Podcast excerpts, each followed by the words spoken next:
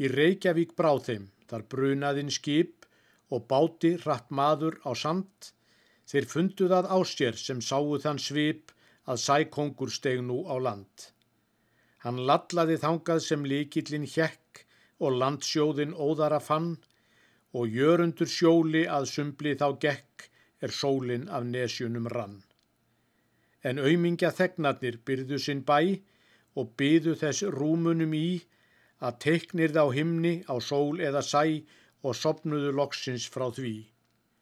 Svo vakti þá lífvarðar lúðursins org en lítið var náttúran breytt því vorsólinn glampað á götur og torg og gerði ekki jörundin eitt. Hann þeitti nú gjörvöllu glísinu braut og greifa sem efstur þar satt, því mannana aðals og ættgöfgi skraut hann aðeins að framgöngu mat. Hann trúð ekki á allt það sem uppskrifað stóð, í ættfræði þar eða hér, hann vissi hver hollvin og húskalla blóð oft hættulegt kallegnum er.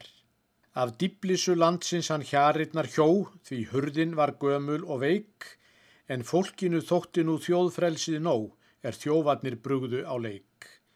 En vest var það samt að það synduga lið, hann setti til hefðar og fjár. En jörundur hvað þetta konunga síð og kallin var ekki svo blár. Nú þótti þið mörgum hann reykja sér hátt af heimsláni, virðing og seim og leika þá tign bæði gálust og grátt sem Guð hafði smurt handa þeim. Því var það þann Ísleifur brandinum brá og bauðonum Magnúsi lið að ráða til víkur á ræninga þá og rétta þar kongdómin við.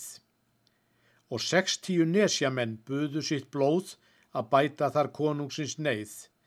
Á brekku við hlaðgarðin hópurinn stóð og hildar með trillingi beigð. Það sá ekki margur að mönnunum þeim á mölunum oft hafði blætt að þeir voru kúaðir komnir í heim og kaghýttir langt fram í ætt.